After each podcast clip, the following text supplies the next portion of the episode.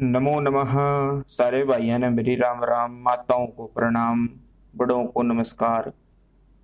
आज हम श्रीमद् भगवत गीता के विषय में कुछ अध्ययन करेंगे। श्रीमद् भगवत गीता महर्षि व्यास द्वारा लिखित महाभारत, जिसको, जिसमें एक लाख श्लोक हैं, उसके भीष्म पर्व से लिया गया ग्रंथ है। जब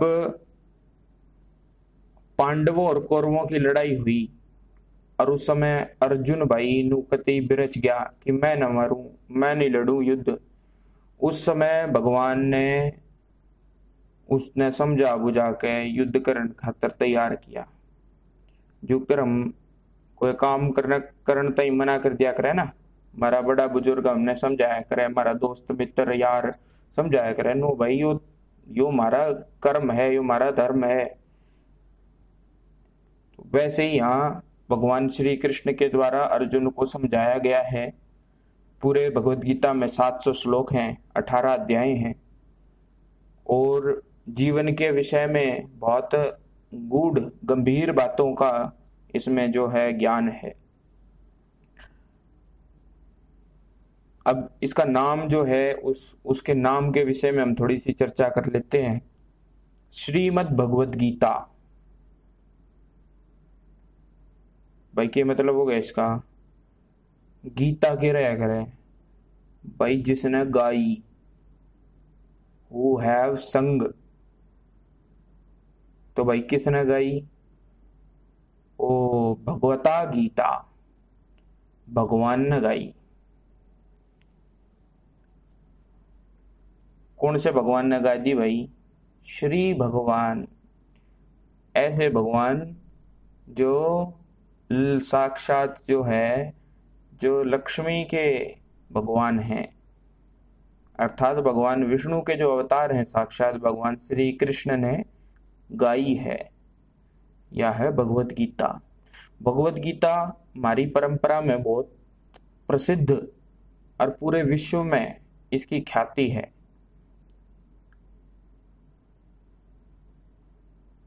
जो मानस इसके बारे में नहीं जानते, वो नु क्या कर? था, हिंदुओं का ग्रंथ है।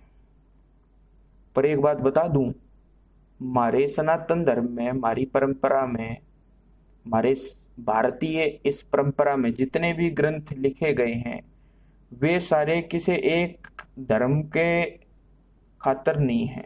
वे समग्र मानव जाति के लिए हैं। इसलिए भारत को जो है वो विश्व गुरु कहते हैं, क्योंकि एक छोटे चिंतन में भारत जो है, सारे सारे की बात सोचा करे। वसुदैव कुटुंबकम जब क्या करे तो भाई हरियाणा एवं कुटुंबकम भी तो हो सकता था, पर हमारे ऋषियों, मुनियों ने पूरे विश्व के कल्याण की बात सोची। आप नु देखो, पूरा विश्व जब यूँ नहीं जानता होगा कि भाई विश्व भी कोई चीज़ है करे, तब हमारे ऋषि मुनियों ने ये इस सूक्त को, इस मंत्र को, इस श्लोक को हमारे सामने रखा होगा। तो हम इसी का भगवत गीता का थोड़ा बहुत अध्ययन करने का प्रयत्न करेंगे। हालाँकि हम भी पूरा नहीं जानते होंगे और हमारा ज्ञान जो है वो बहुत अधिक नहीं है, लेकिन हम आप सबके सहयोग से, सभी श्रोताजनों के आशीर्वाद से इसको हम पढ़ने का प्रयत्न करते हैं।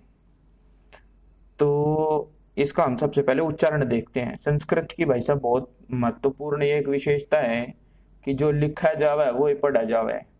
इसलिए हमने सारे ने संस्कृत पढ़नी बहुत आवश्यक है। ये मन में यूँ आओगा, प्रश्न की भाई, संस्कृत कहाँ था पढ़े? कौन सा स्कूल संस्कृत पढ़ा हुआ है?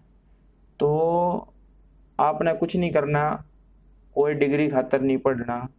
आपके जिसकी जिसकी इसमें रुचि हो, आप संस्कृत भारती कार्यालय में संपर्क कर सकते हैं। नहीं तो आपके हरियाणा सरकार ने कैथल में संस्कृत यूनिवर्सिटी खोल ली है। आप यूनिवर्सिटी में संपर्क कर सकते हैं। वहाँ से आपको कैसे संस्कृत पढ़ना है, कहाँ सीख सकते हैं, उसके विषय में आपको थोड़े वहाँ से सब जगह से जो है वो सहायता हो जाएगी।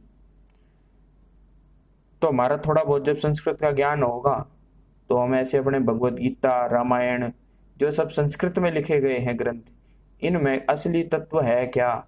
ना तो हम नुआ बकान दे रहे लोग हमने, और हम मान भी जावा हैं। तो हम खुद पढ़ेंगे इस दृष्टि से भगवत गीता के विषय में। हमने यह श्रृंखला शुरू करी है।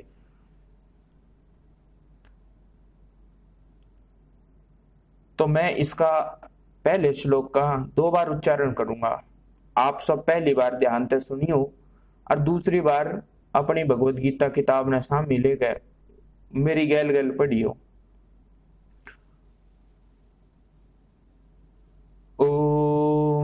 ओम श्री परमात्मने नमः।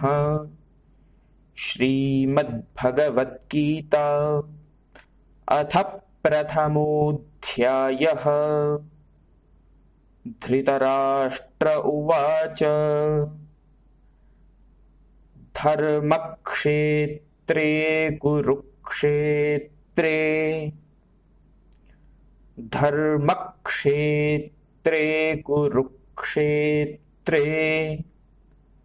समवेतायुयुत्सवः। समवेतायुयुत्सवः।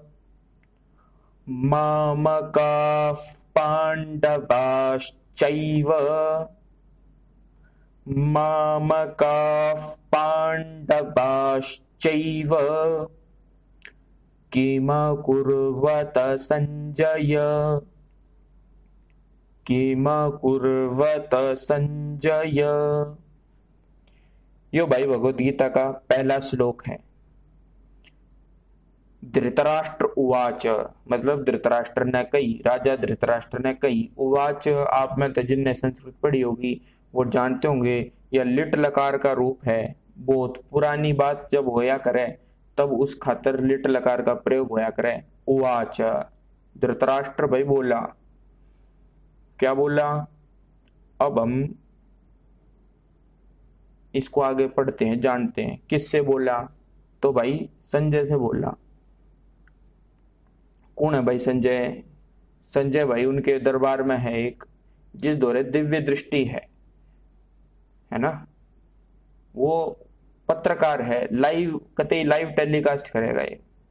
तो जब भाई युद्ध का दसवां दिन हो गया पूरा, अब धृतराष्ट्र का आप सब हम जानते हैं कि धृतराष्ट्र जो है वो उनके प्रज्ञा चक्षु थे, उनके नेत्र नहीं थे। तो अब भाई क्या हो रहा है? वो सब देखने के लिए जो है, उन्होंने संजय से पूछा, भाई संजय, क्या हो रहा है? तो वो इस श्लोक के माध्यम से, पहले श्लोक के माध्यम से पूछा है। तो हम इसको अब प्रश्नोत्तर के माध्यम से समझते हैं। पहला है अकुर्वत। प्रश्न आया अकुर्वत। नो भाई किया। अकुर्वत हो गया, किया। अकुर्वत का पद परिचय भाई क्री धातु है। आत्मनेपदी में लंग लकार प्रथम पुरुष एक वचन में यो अकुर्वत बना है भाई, किया। भाई, किसने किया? तो उत्तर आया, मामका कुर्वत जो मेरे से संबद्ध हैं, भाई मारे आड़ा ने किया। कैसे भाई मारे? तो समवेता मामका। भाई, एकत्र हुए, मेरे लोगों ने किया। और कौन है? मेरे मेरे लोगों के साथ और कौन कौन है? तो भाई, पांडवा है। तो मेरे और पांडुओं ने, मेरे और पांडु से संबद्ध, अर्थात पांडु के पुत्रों ने, पांडवों ने क्या किया? भाई, इकट्ठे हो रहे हैं, पर इकट्ठे नहीं तो नहीं हो रहे कि हम आओ, उत्सव मना लेंगे, आप मिलकर रोटी पालेंगे। खावांगे, मिल गए। वही युद्ध युद्ध खातर इकट्ठे हो रहे हैं। तो युत्सव पूरा युयुत्सु शब्द है, उसकी प्रथमा विभक्ति बहुवचन में युयुत्सव ऐसा रूप बनता है। भाई, युद्ध की इच्छा वाले एकत्र, एकत्रित हुए मेरे और पांडवों के पुत्रों ने क्या किया? फिर आया प्रश्न, भाई कित हो? रहे हैं इकट्ठे, कैथल में कुरुक्षेत्र में अथवा चंडीगढ़ में, पंचकुला में, हिसार में तो आया दर कुरुक्षेत्र। भाई कुरुक्षेत्र में हो रहे हैं इकट्ठे। अनुफनुआ कुरुक्षेत्र कैसा है?